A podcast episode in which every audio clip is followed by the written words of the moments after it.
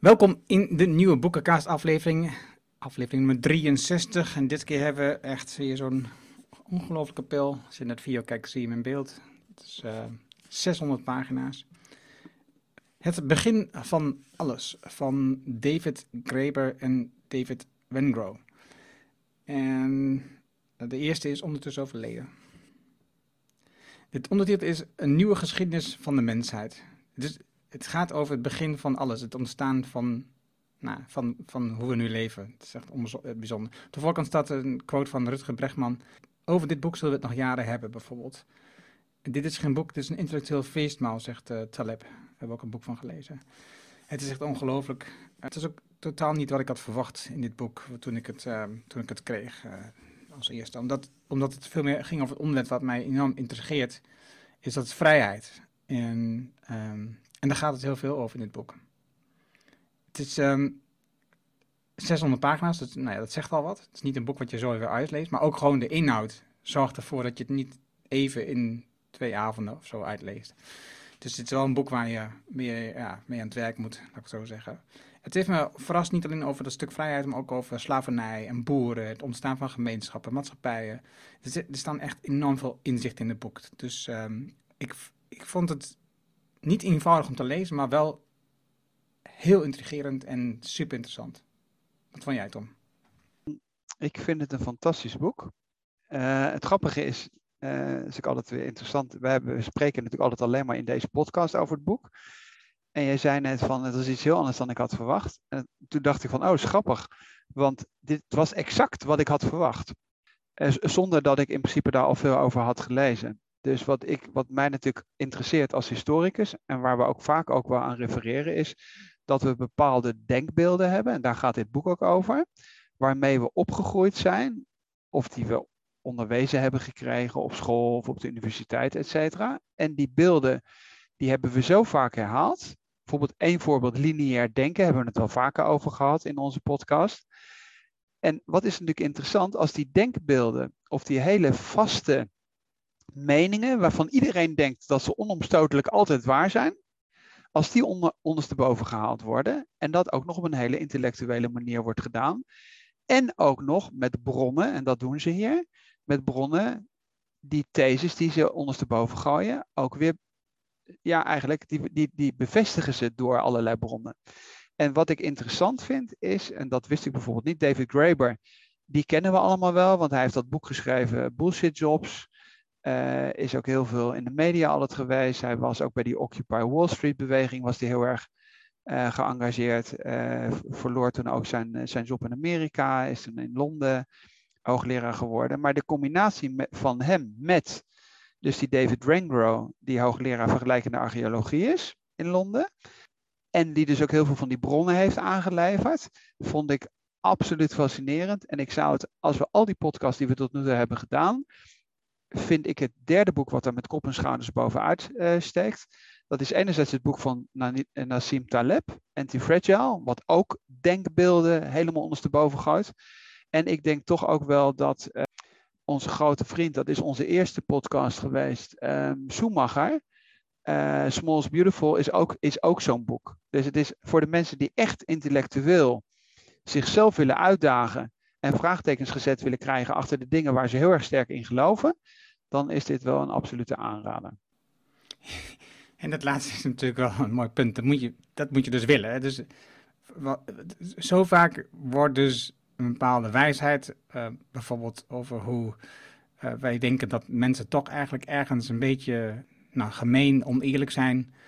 En dat is vooral een beeld wat wordt onderschreven door nou ja, de rijken der wereld, want die, op die manier kunnen ze de boel in controle houden. En dat zijn dan waarheden die allemaal onderuit worden gehaald. Het, is allemaal, eh, nee, het zijn niet eens waarheden, het zijn gedachten die onderuit worden gehaald. En is, het is super interessant om te lezen. En ik ben het met je eens, het is, echt, het is echt een van de interessante boeken die we hebben gelezen. En voorlopig denk ik ook niet dat we ermee klaar zijn met dit boek na deze aflevering. Het boek heeft elf hoofdstukken en een conclusie. En ik ga ze niet allemaal oplezen, want dat is uh, net iets te veel, dat lijstje. En ja, ik, ik hoef ook niet door alle hoofdstukken heen. Om eerlijk te bekennen heb ik ook niet alle hoofdstukken gelezen, want het is echt, het is echt heel veel werk. Laten we gewoon beginnen met het eerste stuk over de oorsprong van ongelijkheid. Het afscheid van kinderjaren van de mensheid is het eerste hoofdstuk. Wat wil jij erover zeggen?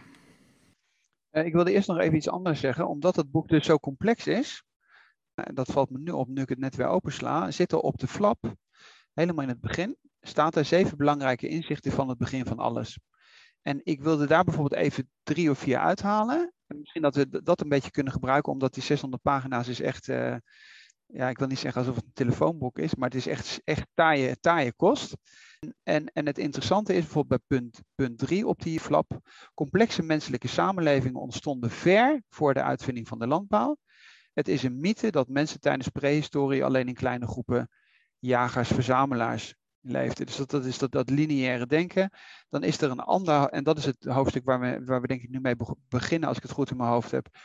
Uh, dat is, staat hier als punt 5. Franse verlichtingsfilosofen als Montesquieu en Rousseau ontleenden hun ideeën grotendeels aan inheemse Amerikaanse gemeenschappen. Dat was voor mij absoluut mindblowing. Dat hele idee van de verlichting opnieuw gedefinieerd te krijgen. En wat er dan als punt 6 hier staat, is dat Midden-Amerikaanse steden als Tetucan, ik weet niet hoe je het uitspreekt, meer dan 100.000 inwoners, waren de Griek, daar, in vergelijking daarmee waren de Griekse stadstaten, wat ik overigens vaak uh, noem, Pericles, uh, Polis Athene, de Griekse stadstaten waren niet meer dan gehuchten daarmee in vergelijking. Nou, ik heb helemaal geen verstand van die Mexicaanse geschiedenis. En, en het laatste punt is hier, de geschiedenis wijst uit dat complexe samenlevingen niet hiërarchisch hoeven te zijn. Door dit idee los te laten, kunnen we ook met een nieuwe blik naar de inrichting van onze huidige samenleving kijken. En dat laatste punt hebben we het al heel vaak over gehad, omdat dat natuurlijk ook steeds terugkomt bij zelforganisatie. Ik heb het idee dat de uitgever ook wel een beetje wilde helpen. Enerzijds appetite genereren, maar anderzijds ook als je een boek hebt gelezen, dat je denkt van ja, wat zijn eigenlijk al die denkbeelden die men heeft om, omgegooid? En dan moeten we misschien maar even kijken waar we willen induiken en wat we, omdat het ja, zoveel en zo complex is dat je er uren over kunt praten over dat boek. Ja, dus de eerste twee punten die, zijn logisch, maar dat, het vierde punt vond ik ook nog eens interessant. Daar heb ik ook een stukje in vet gemaakt. De geschiedenisvertelling zoals wij haar kennen zit vast in een westers mannelijk perspectief. Er is voldoende bewijs dat er heel veel momenten in de geschiedenis waarbij, waarbij vrouwen aan de macht waren. En dus ik, ik, lees op dit moment een aantal boeken die zeg maar, een vrouwelijke achtergrond hebben, waarbij je kunt zien dat de maatschappij heel mannelijk is. Waar, waar we dus gewoon niet van uitgaan. Bijvoorbeeld het boek wat ik nu van Katja Diel aan het lezen was, autocorrectuur. Daar zie je dus gewoon ook zo'n ontstaan van zo'n wereldbeeld over hoe het in elkaar zit. Allemaal vanuit de man gedacht, al, al decennia lang. En dus doordat het al zo lang is, denken we dat dat de normaal is. En dat is dus gewoon niet zo. Het grappige is dus ook dat dus in die tijd gingen dus ook, dan ben ik natuurlijk dat woord kwijt, antropologen gingen mee met die ontdekkingsreizen, met de eerste reizen naar bijvoorbeeld uh, Noord-Amerika. Waarbij ze dus de Indianen ontmoeten, die inheemse um, Amerikaanse gemeenschappen.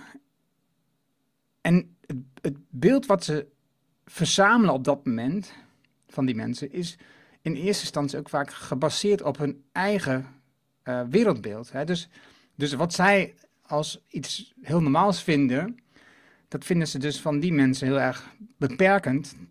Terwijl, grappig genoeg, andersom is dat net zo. Deze inheemse Amerikaanse uh, gemeenschappen begrijpen niet dat bijvoorbeeld in Frankrijk oorlogen zijn of mensen onder dwang dingen moeten doen. Of dat er zoveel eh, mensen zijn die macht hebben over andere mensen. Er zijn zoveel dingen die, als je naar terugkijkt, die lijken heel normaal voor ons nu. Maar als je vanuit die inheemse Amerikaanse gemeenschap kijkt, uh, is dat helemaal niet zo normaal. Ja, om misschien daarbij aan te knopen, wat een, een heel terugkerend thema in het boek is, zijn de gesprekken die, ik zeg maar, ja, ik zeg bewust gesprekken, die, die vooral de Jezuïeten uh, daar bijvoorbeeld gevoerd hebben en ook allemaal opgeschreven hebben. En, en wat ik net zei, wat voor mij mindblowing was, is dat het idee van de verlichting, dat dat eigenlijk uit die gesprekken met de oerinwoners tot stand is gekomen. Dus het was eigenlijk, het was eigenlijk omgekeerd. Dus uh, het is niet zo dat, dat wij West, West-Europeanen, dus neem even bijvoorbeeld uh, Rousseau, dat, dat die in principe zulke verlichte ideeën hebben uitgevonden. Nee, doordat men die gesprekken heeft gevoerd en, en die stammen eigenlijk veel verlichter waren in hun hele denken en in hun hele organisatie. En bijvoorbeeld vrijheid een grote rol speelde, of het, het niet gehoorzamen als je niet, want dat is eigenlijk de kern van het thema als het over vrijheid gaat. Je gehoorzaamt alleen maar als je inhoudelijk overtuigd bent. En dat was het eigenlijk, het, het heel simpel gezegd, het, het basisprincipe bij van die stammen waar de Jezuïeten en die westerse veroveraars mee geconfronteerd werden. Die oerinwoners die hebben eigenlijk gewoon gezegd, ja maar dat systeem wat wij hebben, dat is veel, dat is veel vrijer en dat is veel beter dan wat jullie in Frankrijk hebben. En het interessante is dat de Jezuïeten dat op hebben geschreven.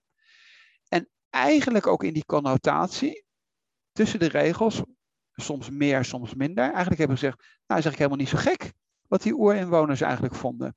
En doordat dat weer in intellectuele kringen gedeeld is, zijn eigenlijk die verlichte denkers waarvan wij nu denken dat in Frankrijk uh, de verlichting uitgevonden werd, is alleen maar te wijten, volgens, hè, dus volgens deze twee auteurs, is te wijden dus aan die gesprekken die in de nieuwe wereld gevoerd werden.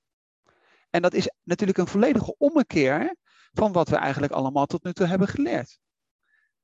Dus in plaats van dat wij, en dat is natuurlijk ook vaak met, met woorden, et cetera, wat we ook al vaker hebben gezegd op het gebied van, van duurzaamheid, waar we het over primitieve volkeren hebben, is ook met betrekking tot het thema verlichting, is ook daar filosofisch gezien er een omkeer, een ommekeer, of exact het omgekeerde eigenlijk, uh, vindt plaats.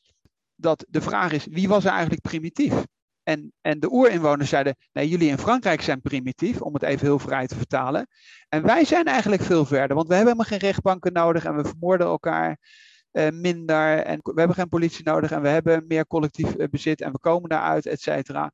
En dat is echt wel een absolute ommekeer van wat we, wat we eigenlijk op school en op de universiteit uh, voorgeschoteld krijgen.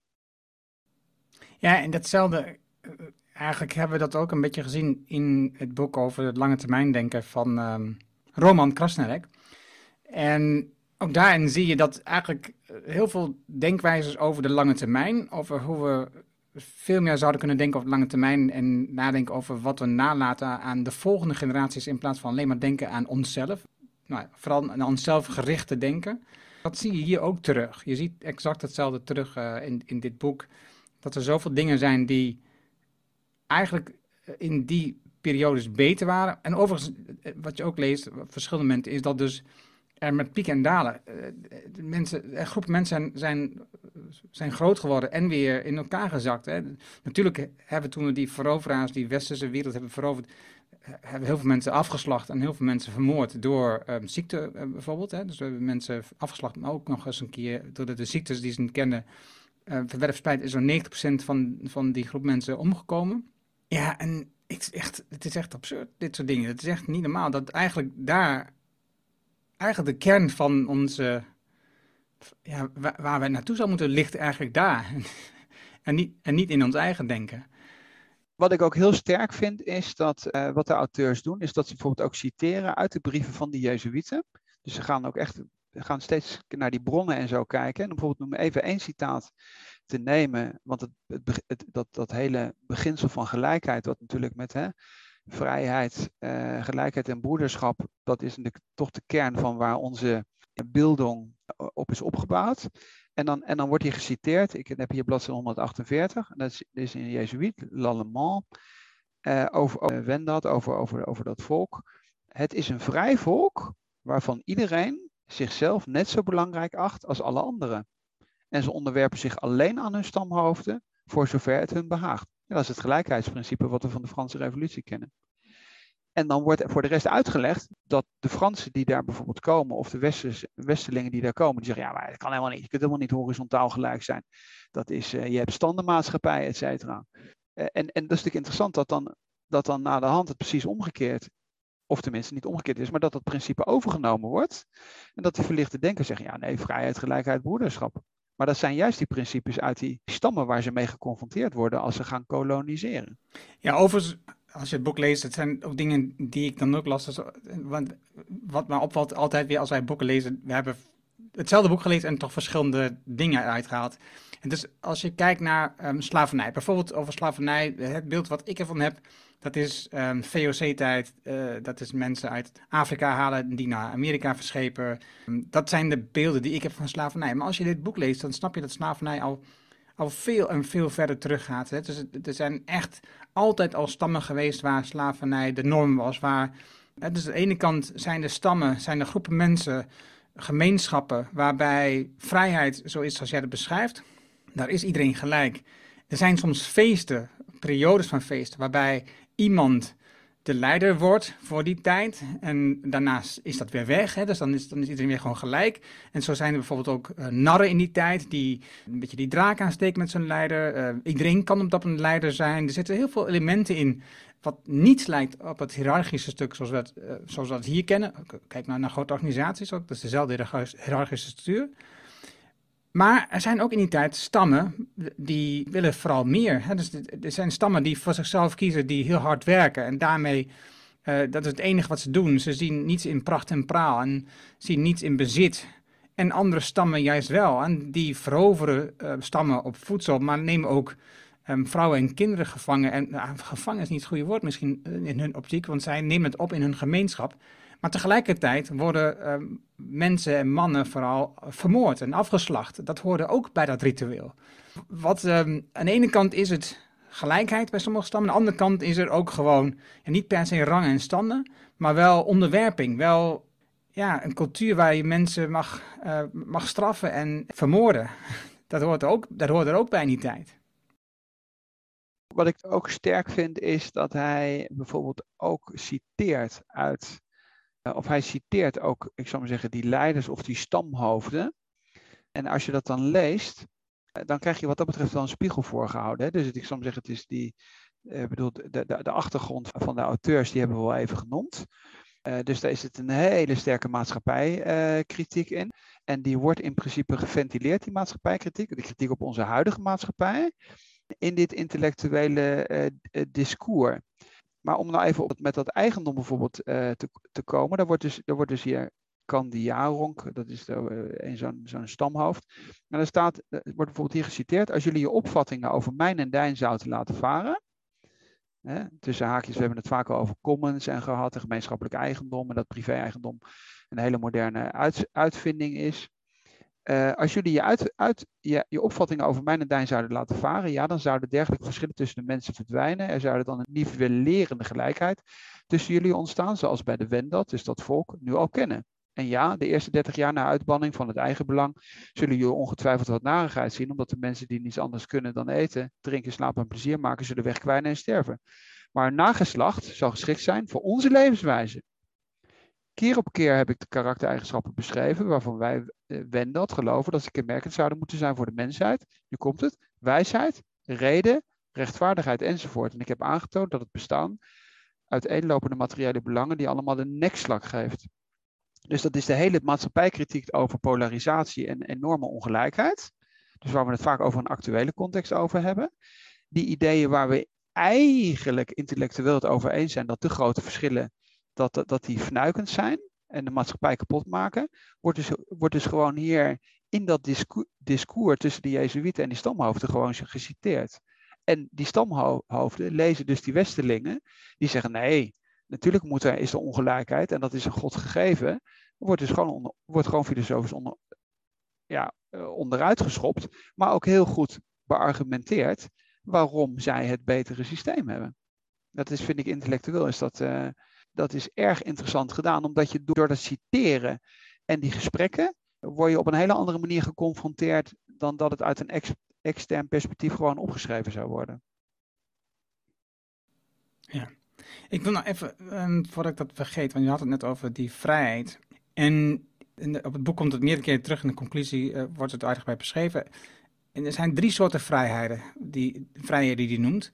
Het is de vrijheid om je uit je omgeving te vertrekken of je opnieuw te vestigen. Dus, dus je bent vrij om, nou, zoals je nu zou zeggen, zeg maar, uit jouw eigen sociale status uh, te, komen en in een andere gemeenschap binnen te treden, in die sociale status te komen. Nou, dit, die vrijheid is er nu niet eigenlijk nauwelijks. Hè? Um, je bent van dubbeltje geworden, wordt nooit een kwartje, zeg maar. Dat, dat, soort, dat uitspraken zijn heel, heel normaal hier.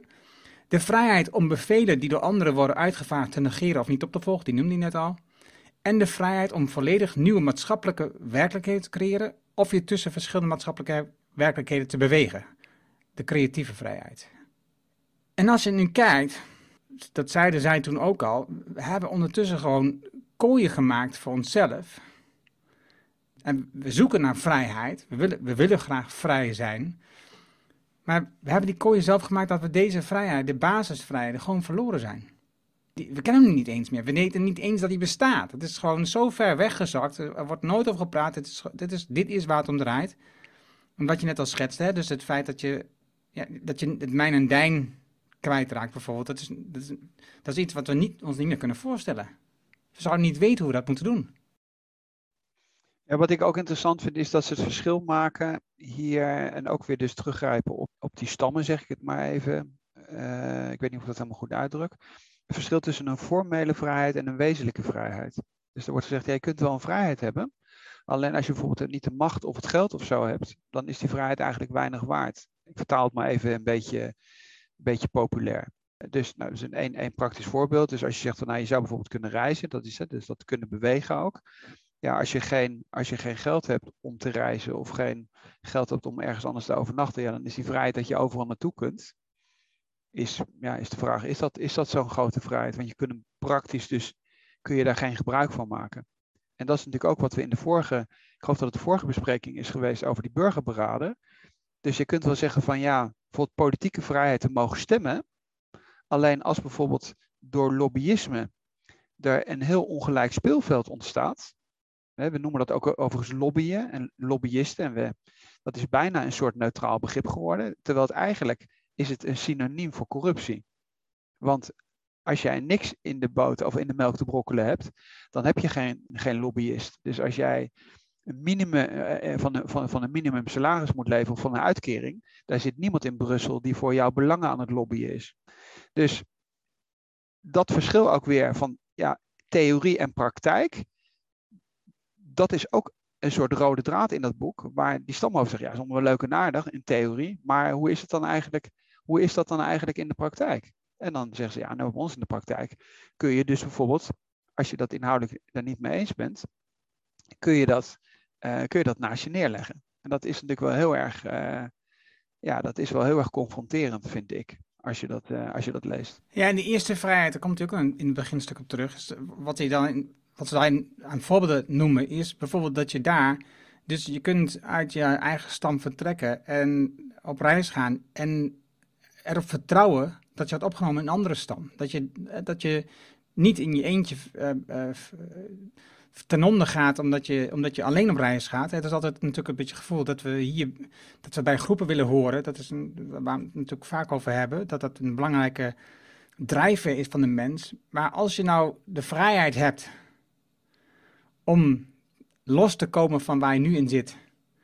En met de geruststelling dat je als je op reis gaat, ergens anders gewoon terechtkomt zonder je zorgen te maken. Je krijgt altijd een bed, je krijgt altijd te eten, daar hoef je niet druk over te maken. Dan heb je pas echte vrijheid. Maar dat is een vrijheid die we niet meer kennen. Dat is een vrijheid die we niet meer... Als iemand nou op onze, uh, op onze voordeur op de stoep komt te staan, die belt aan en zegt, mag ik bij jou slapen en mag ik een bord eten? Dan zeggen we... Uh, wie ben je? Wat doe je? Hoe kom je bij mij? Kom je We zullen niet 1, 2, 3 binnenlaten. Dan zeg, dat is wel, nou, datzelfde gevoel hebben we natuurlijk zelf ook. We kunnen niet meer vertrekken uit onze huidige maatschappelijke plek, uit de huidige locatie, omdat er allemaal verbindingen aan zijn die we nu hebben. onze, onze middelen die we hebben, de spullen die we hebben. Maar ook het risico wat we lopen als, als we dat allemaal afscheid van nemen, al die spullen, is dat we op een plek komen dat daar niks is voor ons. Dat mensen ons niet opnemen. Actueel voorbeeld, nu de ehm, stille protesten, zogenaamd, in Albergen, waarbij dat uh, asielzoekerscentrum in het hotel komt. Die, mensen die mogen er niet tussen. Dat is onzin, dat kan niet, die passen je niet. Die zijn donker, die horen je niet. dus die mensen hebben geen vrijheid. Die gunnen we ze ook niet eens meer. Ze zijn gevlucht voor de oorlog, of voor natuurgeweld, of voor onze, um, alle problemen die, we, die wij in het Westen hebben veroorzaakt. Maar we nemen ze niet op. Nee, dus is, is het is het vreemd dat wij zelf ook bang zijn dat als we loskomen van een bepaalde cultuur, dat we niet ergens worden opgenomen, want we er zelf ook niet naar. Filosofisch boek, zou je bijna zeggen. Tenminste, laat ik dan zeggen, de inhoud zet aan tot filosofie, zet aan tot nadenken. Wat je zei, het is echt, echt, echt een super interessant, uh, intrigerend boek. Dus dat is, we hebben nu in één, in één zo'n thema zijn we er echt ingedoken. Uh, maar om gewoon nog even een ander, ander, ander thema te pakken waar je, waar je bijvoorbeeld ook van denkt van nou dat is dus, uh, zo heb ik dat geleerd. Dat is hier dat, dat punt 3. Complexe menselijke samenleving ontstonden ver voor de uitvinding van de landbouw. Het is een mythe dat mensen tijdens de prehistorie alleen in kleine groepen jagers-verzamelaars leefden. Er zitten een hele hoop voorbeelden van de hele wereld. Dat maakt het ook, was ook zo interessant. Omdat daardoor eigenlijk wordt gezegd, ja nee, dat is niet alleen maar in één gedeelte van de wereld. Dat is onafhankelijk van elkaar. En dat is Mexico, dat is Mesopotamië, dat is in Oekraïne, zijn er opgravingen, prehistorische opgaven, Euroazië, et cetera. Overal komen daar hele grote voorbeelden van dingen waar ik echt nauwelijks kennis van had. Van hele grote culturen. Waar, of het nou de manier is waarop steden zijn opgebouwd met, met huizen voor families en gemeenschappelijke ruimtes. En overigens ook weer burgerberaden. Dus dat, die gelaagde besluitvormingen in steden en maatschappijen zonder dat er een absolute vorst was. Dus heel erg collectivistisch eigenlijk. En ik ben historicus, hè, zeg ik erbij. Dus ik denk van, nou, als het iemand zou moeten weten en iemand op de universiteit zou moeten hebben geleerd, dan, dan ben ik het. En niet iemand die, uh, die bedrijfseconomie heeft gestudeerd. Niet dus. Hè? Dus daar word je niet mee geconfronteerd. Is de vraag, is dat allemaal nieuw? Aan een aantal van die bronnen zie je dat eigenlijk die discussie al veel langer gaande is. En dat vind ik, dat vind ik ook best wel shocking, moet ik eerlijk zeggen. Omdat het uiteindelijk ook weer een indruk geeft hoe gekleurd en subjectief dat is wat wij eigenlijk überhaupt ook in ons, in ons leersysteem voorgeschoteld krijgen. Er zijn natuurlijk nog een hele hoop andere voorbeelden van, maar er zitten een hele hoop voorbeelden in uh, uh, plattegronden van hele grote steden, hoe ze opgebouwd zijn. En dan wordt er onderzoek naar gedaan. Dan wordt gezegd, nou nee, we vinden maar geen paleis in die, in die prehistorische stad met 100.000 mensen. Dus nou, dan worden uh, verder gegraven, verder gegraven, dan gemeenschappelijke ruimtes, die huizen allemaal ongeveer even groot. Nou, dat is een ander beeld dan dat, dat, dat, als wij nu een hele grote laag eroverheen gooien en dan eens gaan kijken, ja, dan vinden we wel andere, andere structuren. Er zitten voorbeelden in van, tussen aanhalingstekens, sociale woningbouw, zou je het bijna kunnen noemen in de huidige context. En dat is toch wel heel erg interessant. Of ook die volgorde, dat er een soort dwingende volgorde is van als iets groter wordt, dan moet dat verticaal uh, hiërarchisch georganiseerd worden. Ja, dat wordt gewoon volledig ondersteboven gegooid. En dat vind ik toch wel uh, ja, absoluut fascinerend hoe ze dat doen. Ik ben ook wel nieuwsgierig naar reacties van mensen die bijvoorbeeld zelf antropoloog zijn. En dan zeggen, ja, nee, maar uh, als je antropologie gestudeerd hebt, dan is dat helemaal niks nieuws wat deze beide heren vertellen. Ben ik wel, ben ik wel echt wel benieuwd naar. Nou ja, en wat ze ook in het stuk, in, in, in het eerste hoofdstuk ook een paar keer doen, is, dan hebben ze dus mensen uh, gevonden, antropologen, onderzoekers, maakt niet uit wat, die toch een ander gedachtegoed hadden. Die werden gewoon genegeerd. Die werden, dat werden laatste, dat werden, die werden uitgestoten uit de groep. En die konden een verhaal niet kwijt, want het paste niet in het denkbeeld wat ze op dat moment hadden bedacht hoe het zou moeten zijn. Bijvoorbeeld, eh, jij noemt net de hiërarchische stuur en die steden en dat er geen vorst. Maar bijvoorbeeld een ander is ook, wat je hier ook al schetsen, het lineaire gedachtegoed van het eerst, eerst primitieve mensen, dat zijn jagers-verzamelaars, dus die weten niet beter. En dan ontwikkelen zich langzaam boeren en die uh, hebben gezond verstand en die met hard werken. Dat is een beetje hoe het geschetst werd. Um, creëren zij een wereld die, die leefbaar is, waar we dus met veel meer mensen samen kunnen zijn. Dat is volgens wat we hebben geleerd zoals het is. Dus primitieven, dat zijn jagers-verzamelaars. En de boeren, dat zijn de slimmere mensen die met hard werken zich ook dus spullen eigen kunnen maken. Zij kunnen met het hard werken de grond bewerken, waardoor het hun eigen grond wordt. Omdat ze namelijk daar iets aan hebben toegevoegd. Ze hebben er waarde aan toegevoegd, waardoor het van hun wordt. En dat zit totaal niet in die uh, oorspronkelijke volkeren. Want daar is altijd al een variatie geweest tussen jagers, verzamelaars en boeren. En en die ging op en neer. Dat was niet, dat was niet dat één volk altijd boer was of iets dergelijks. Nee, er waren groepen die waren in de zomermaanden waren ze jagen verzamelaars en de wintermaanden waren ze meer boeren. Of andersom. Het was heel verschillend. Er waren ook plekken waar mensen een lange tijd boer waren en na tijd weer jagen-verzamelaars werden. Want waarom zou je niet gaan voor jagen en verzamelen? Waarom zou je, waarom zou je altijd hard werken om de grond te bewerken, om dan, als je geluk hebt, een oogst te krijgen die, die werkt. Waardoor je, waarvan je kunt eten als er voldoende voedsel is, bijvoorbeeld in het bos of in de zee of in, uh, in, in een rivier, waar je gewoon van kunt plukken zonder heel veel moeite te doen. Ja, wat ik ook heel interessant vind, en dat is voor mensen die bijvoorbeeld al meer van ons hebben beluisterd, als het bijvoorbeeld om zelforganisatie gaat of uh, ook bijvoorbeeld burgerberaad, wat ik net al noemde, wat we eerder hebben besproken, het boek van Eva Rovers, is dat, denk ik, wij al relatief veel, veel horizontale thema's behandeld hebben. Bijvoorbeeld lange termijn, hè, dat hele thema duurzaamheid hebben we een aantal boeken uh, over gedaan. En dat, dat de zogenaamde primitieve volkeren eigenlijk juist inhoudelijk veel beter dachten dan, dan na mij de zonvloed, hè, zoals in, onze, in ons systeem in principe is. Uh, alleen als je er dan bijvoorbeeld induikt en zegt van ja, wat is eigenlijk complexiteit? Dan, en dan neem ik even nu bladzijde 325, daar staat hier seriële model van wederzijdsheid. Dus er zitten, dat is een complexiteit waar horizontaal bepaalde wederzijdse verantwoordelijkheden uh, gewoon gedefinieerd werden. Dus bijvoorbeeld worden huishoudens genoemd, even iets heel praktisch. die zijn allemaal in een soort cirkel met een gemeenschappelijke binnenruimte. En dan staat er hier, ze moeten denken aan hun verplichting aan andere huishoudens die op hun beurt weer hun verplichtingen hebben naar weer andere huishoudens. Dus het is, dit is onder andere uh, rotatieprincipe, wat we ook al vaker hebben genoemd. Maar er staat bijvoorbeeld hier dan op bladzijde 326, het zijn wiskundige principes zoals rotatie, seriële plaatsvervanging en beurtwisseling. Maar het eindresultaat is hetzelfde. Het systeem is flexibel genoeg om continu rekening te houden met veranderingen in het aantal huishoudens of de capaciteiten van individuele leden. Dus als er bijvoorbeeld dan iemand uitvalt, dan neemt het volgende huishouden dat bijvoorbeeld over. Zodat gelijkwaardige relaties op de lange termijn behouden blijven met een vrijwel volledige afwezigheid van interne conflicten. Dat is natuurlijk absoluut fascinerend. En ik begrijp ook wel dat Nassim Taleb daar met zijn citaat al op staat, omdat het hele idee van anti-fragile, dat boek wat wij besproken hebben, ook heel erg gebaseerd is op levelen, horizontaal. Juist niet dat wat wij in principe uh, hebben. Omdat je natuurlijk dat roleren en dat horizontale en dat, dat wisselende, balanceer je systemen veel veel beter. Dan dat je er iemand uithaalt, daarboven zet en zegt van de CEO, ik zeg maar bewust even de CEO, hè, power of leadership. De man, hè, ik zeg, daarom citeer ik het heel vaak in het boek, we brauchen een starke Führer. Als je, als je het in Duits zegt, begrijpt iedereen, oh, dat, klinkt niet zo fijn. We brauchen keine starke Führer. Nee, we brauchen horizontale, intelligente principes die de complexiteit in principe reduceren. En dan ben je ook weer bij Small is Beautiful. Terugkerend element in dit boek is dat in die steden er altijd overleg is in een hele kleine kring. Een paar huizen bij elkaar, gemeenschappelijke ruimte. Een wijk, een buurt. En dat is gelaagd. Dus je houdt de mensen heel dicht bij hun verantwoordelijkheid en mensen doen het collectief.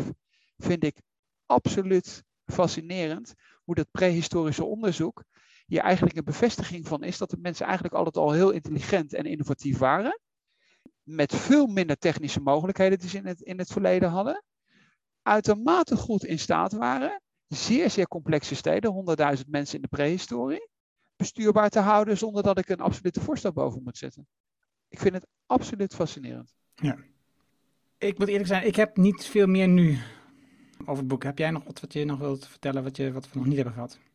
Ja, wat ik interessant vind is, en denk, ik denk dat, ook, dat dat is ook de motivatie waarmee het boek geschreven wordt, is dat men zegt van, als je de geschiedenis uh, lineair ziet, je hebt, ik zal maar zeggen, een wit, een wit blad papier, dan heb je het grote voordeel dat als er in het begin niks is, dat je iets kunt uitvinden. Of dat je iets kunt definiëren. Maar waarom? En dat, die vrijheid noemde jij bijvoorbeeld al even als derde vrijheid.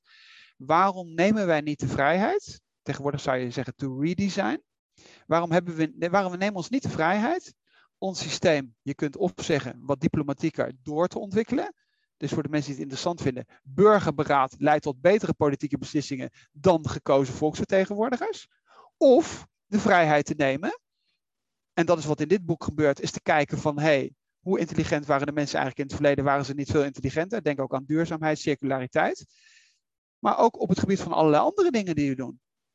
Want dat wat we nu hebben, is helemaal niet zo goed en een uitkomst van eeuwenlang intellectueel nadenken vanuit de verlichting zoals wij dat op dit moment definiëren. Het is eigenlijk bij al die energie die we erin hebben gestopt, is dat wat we op dit moment als systeem hebben, of dat nou in bedrijven of in de maatschappij of wat dan ook, is helemaal niet zo goed. En in de prehistorie waren die systemen zelfs beter. Of het nou op het gebied van duurzaamheid is geweest, maar ook op het gebied van levelen politieke besluitvorming en stabiliteit dat is denk ik ook wel de insteek waarmee dat geschreven is. Dus je kunt, en dat wordt, is natuurlijk veel gebeurd, deze twee auteurs als een soort anarchisten en Occupy Wall Street mensen labelen en zeggen jullie zijn een soort, soort intellectuele communisten en jullie willen het systeem ondersteboven gooien.